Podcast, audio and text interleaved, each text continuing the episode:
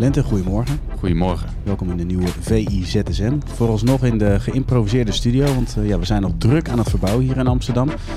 Um, ja, we gaan het hebben over ja, natuurlijk de presentatie. En dan wil ik eigenlijk twee dingen daar uitlichten met jou. Dus eigenlijk het appcontact tussen Koeman en Berghuis. Hoe heb je daarna gekeken? Ja, ik vond het wel uh, goed wat hij zei daarover. Ik denk wel... Um, hij, hij, vertelde ook dat hij de afgelopen week al wel gesprekken heeft gevoerd met uh, spelers van Oranje. Um, en uh, ik denk ook over de speelwijze, maar ook weer om, uh, om iets op te bouwen. De vorige periode had Koeman heel veel succes, omdat hij ook een supergoeie relatie had met zijn spelers. Um, en ik denk in dit geval, dit was toch wel een emotionele week voor Berghuis. Um, waarin dat hij heel goed heeft verteld in het interview, hè, terugblikkend op die week. Vond ik bijzonder, mooi, kwetsbaar. Um, en dat Koeman dan zijn steun naar hem uitspreekt, uh, is denk ik ook heel goed. Ik denk wel dat Berghuis meer appjes heeft gehad over mensen uit de voetballerij. Maar uh, nou ja, voor Koeman wel uh, een mooi signaal, denk ik. Ja, ik denk dat Koeman ook als geen ander kan aanvoelen hoe dat, hoe dat werkt voor Berghuis. Hij heeft natuurlijk zelf ja, vaak een hele turbulente situatie gezeten. Neem ja. alleen al Barcelona de laatste tijd. Ja. Zie je ook in de docu terug wat voor invloed dat op familie heeft. Want dat is eigenlijk waar ja, Berghuis vooral natuurlijk ja, boos over was. Ja, en terecht ook wel. Uh, er is natuurlijk de afgelopen dagen al heel veel over gegaan hoor. Maar um, goed uh, moment voor ons om als media ook uh, af en toe even in de spiegel te kijken. En uh, misschien één seconde langer na te denken over de koppen en, en, de woorden die je daarbij gebruikt. Um, dus nou, goed moment van bewustwording. En um, ja, van gisteravond waren in alle talkshows iedereen die was benoemd in dat interview ging vervolgens nou ja, zichzelf verdedigen. En ik denk ook meer dat het ging over de optelsom bij Berghuis dan per se misschien één uh, medium of een ander medium wat hij het heel erg kwalijk neemt. Mm -hmm. uh, maar meer de optelsom van alles bij elkaar. En uh, daar had hij denk ik wel een punt. Ja, precies. Een van de andere punten die aan bod, aan bod is gekomen is de speelwijze natuurlijk. Ehm, we hebben nadat, laat maar zeggen, het WK gespeeld is, hebben we natuurlijk teruggeblikt met uh, Simon Zwartkruis en Martijn Krabbedam. Ja. En Martijn was altijd wel heel uitgesproken van, uh, oké, okay, er wordt gezegd 5-3-2, 3-5-2, hoe je het ook wil noemen, dat, dat zou dan realistisch zijn. Maar volgens Martijn kon het ook uh, vanuit een 4-3, dus meer de Hollandse school. Koeman gaat ook terug, in ieder geval weer naar vier verdedigers. Um, waarbij hij wel aangaf dat hij bij sommige wedstrijden nog wel eens af zou willen stappen. In hoeverre, ja, verrast misschien niet. Um, ja, vind je het prettig om dat te horen? Um, nou, ik heb zelf niet echt een voorkeur voor systemen. Um, ik vind ook niet per se, per definitie, het ene systeem aanvallender dan het andere systeem. Ik denk wel, um, als de spelers blijkbaar naar hem ook hebben uitgesproken dat ze graag met vier verdedigers willen spelen, is dat denk ik wel een heel wijs besluit. Um, en het is natuurlijk nu fijn voor Koeman dat hij achter de hand heeft. Stel dat je het in een wedstrijd nodig hebt, dat je naar vijf verdedigers kan schakelen. Ja. Op die manier is Argentinië natuurlijk ook wereldkampioen geworden, omdat ze flexibel konden zijn op een toernooi. Uh, tegen Nederlands elftal met vijf verdedigers, in de finale weer met vier verdedigers. En je zo kan aanpassen aan de tegenstander. En het is wel prettig als je dat allebei beheerst. Maar ik denk als je nu iets gaat opbouwen richting uh, een toernooi. En de spelers geven aan, we willen met vier verdedigers spelen. Nou, hij heeft gemerkt in zijn vorige periode dat dat uh, heel goed kan passen. Dan snap ik die keuze wel. Ja, misschien is dat ook wel wat ik daarmee bedoel. In hoeverre je het wel of niet prettig vindt. Omdat hij natuurlijk in die eerste periode ook uh, zo gespeeld heeft. En die periode hebben ze ook natuurlijk veel indruk gemaakt. Uh, terug naar vier verdedigers houdt natuurlijk ook wel iets in voor de selectie. Want ja, ja dan gaan er natuurlijk allerlei verhalen van... ja, uh, Blind kan niet in de viermansdefensie spelen. wie moet er centraal achterin staan? is Dumfries nog gewend om met vier verdedigers te spelen als, als rechtsback in dat geval? Uh, de keepersituatie. Dus ja, ja. Het, is, het is nu wel echt uitkijken naar de eerste selectie. Heb je dat ook niet? Ja, heel erg, ja. Uh, vooral omdat je, je maakt jezelf misschien ook wel iets moeilijker uh, qua keuzes die je moet maken. Want we hebben natuurlijk 24 geweldige centrumverdedigers. En we hebben bijna geen goede vleugelspelers. dus wat dat betreft vond ik die keuze van Van Gaal eigenlijk wel heel logisch voor 5-3-2 of 3-5-2. En nu moet je toch een keuze gaan maken. Koeman is natuurlijk heel goed met Van Dijk. Zijn aanvoerder heeft hij naar Southampton gehaald. Heeft hij belangrijk gemaakt in Oranje.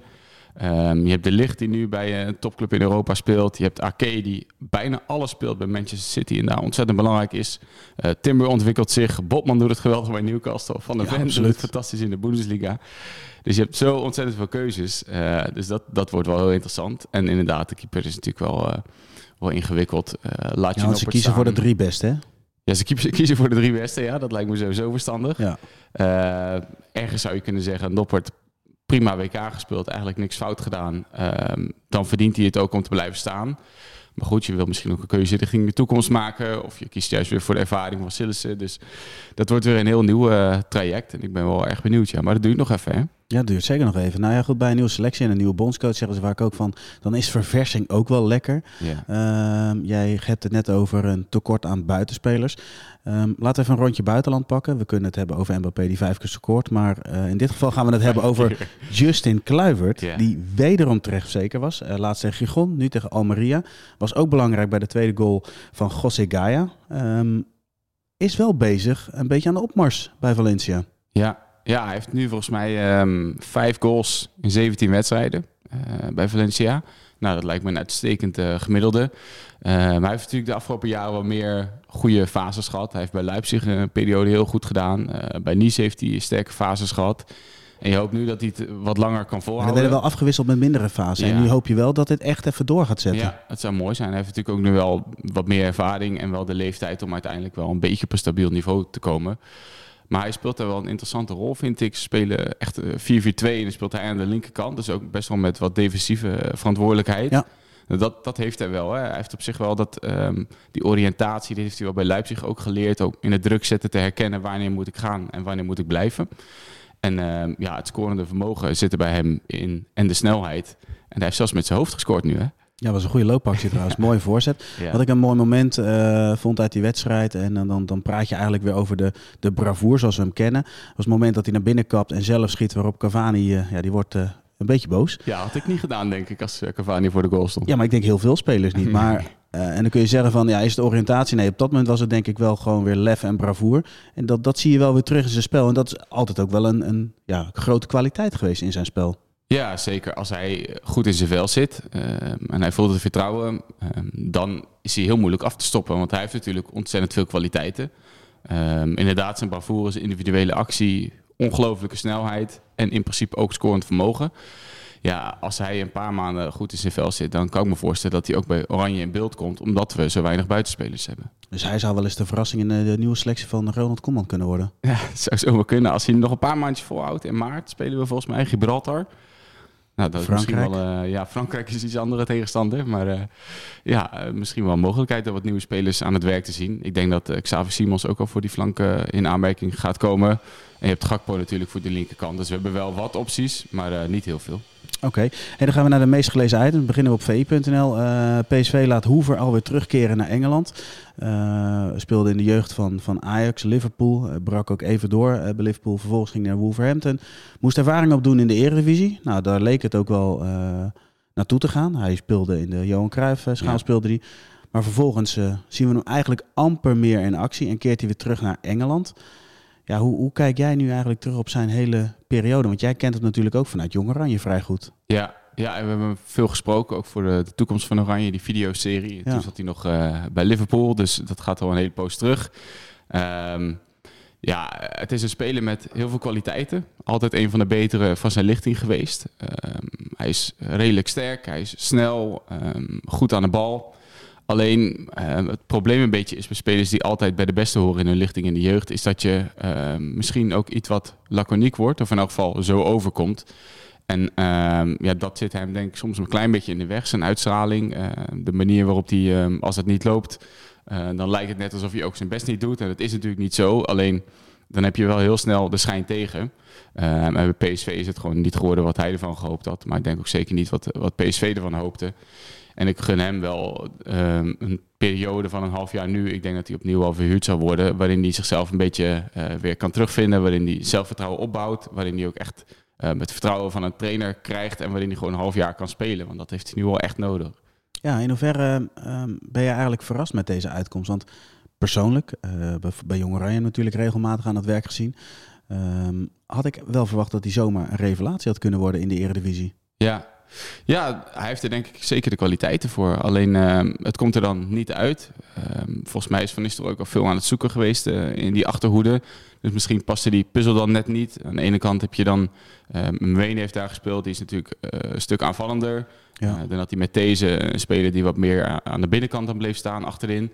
Nou ja, Hoever is denk ik een beetje een type These. En dan gaat de voorkeur naar These, omdat dat een speler is die van PSV zelf is. Dus dat, ergens kan ik dat wel volgen hoor.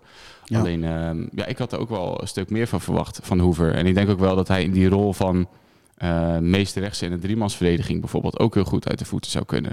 Als hij volgens mij zelf nu al eh, voor zijn gevoel meer echt een rechtsback geworden. Ja, precies. Dan gaan we naar het uh, meest gelezen item op uh, VI Pro. Dat is dat de transfer deadline nadert. Ja. En uh, ja, wat, wat de Eredivisie-ploegen nog van plan zijn.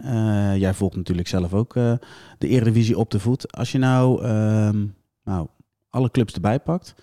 Van welke clubs verwacht jij het meest in de komende dagen eigenlijk nog? Nou, ik ben wel heel benieuwd naar PSV, eerlijk gezegd. die hebben natuurlijk twee belangrijkste aanvallers misschien wel verkocht. Luc de Jong is geplaceerd. Mm -hmm. Um, Fabio Silva nog niet inzetbaar. Dus ja, er moet wel echt wat gaan gebeuren als je nog voor de titel wil gaan spelen. En dan kan je niet komen met um, um, een jongen van 19, die, uh, zo'n Fabio Silva, die dan nu alles maar moet gaan dragen. Je moet wel iemand halen die er direct kan staan. Ik had verwacht dat ze wel voor de Juma uh, echt, echt nog wel ver zouden willen gaan. Maar uh, nou ja, als je de keuze hebt tussen PSV en de Premier League, dan snap ik zijn keuze ook wel. Misschien zijn ze ook wel voor hun uh, doen heel ver gegaan. Ja, maar is het gewoon niet toereikend genoeg geweest? Nee, dat zou zeker kunnen. Uh, maar ja, ik verwacht wel iemand uit die categorie. Iemand die nu een half jaar meteen tien goals kan gaan maken. Die in de toppers het verschil kan gaan maken. En ja, er zijn allemaal niet heel veel namen voor uitgelekt. Tsigankov is niet doorgegaan. Danjuma mm -hmm. is niet doorgegaan. Dus ik ben wel benieuwd waarmee ze nu gaan komen. Het kan wel een mooie week worden, toch, daar in Eindhoven? Ja, absoluut. We gaan uiteraard de 31ste maken we weer een, een live show met Stef de Bond uh, als presentator. En onze kenners uh, Suleiman Eusturk en uh, Pieter Zwart. Dan gaan we skypen met de mannen in het, in het veld. Nou ja, ik ben, ik ben zelf heel benieuwd. Voor nu bedankt ja, voor jouw bijdrage in deze VZSM. En zoals Matthijs Vechter altijd zegt, tot de volgende. Ja, ZSM. Tot de volgende.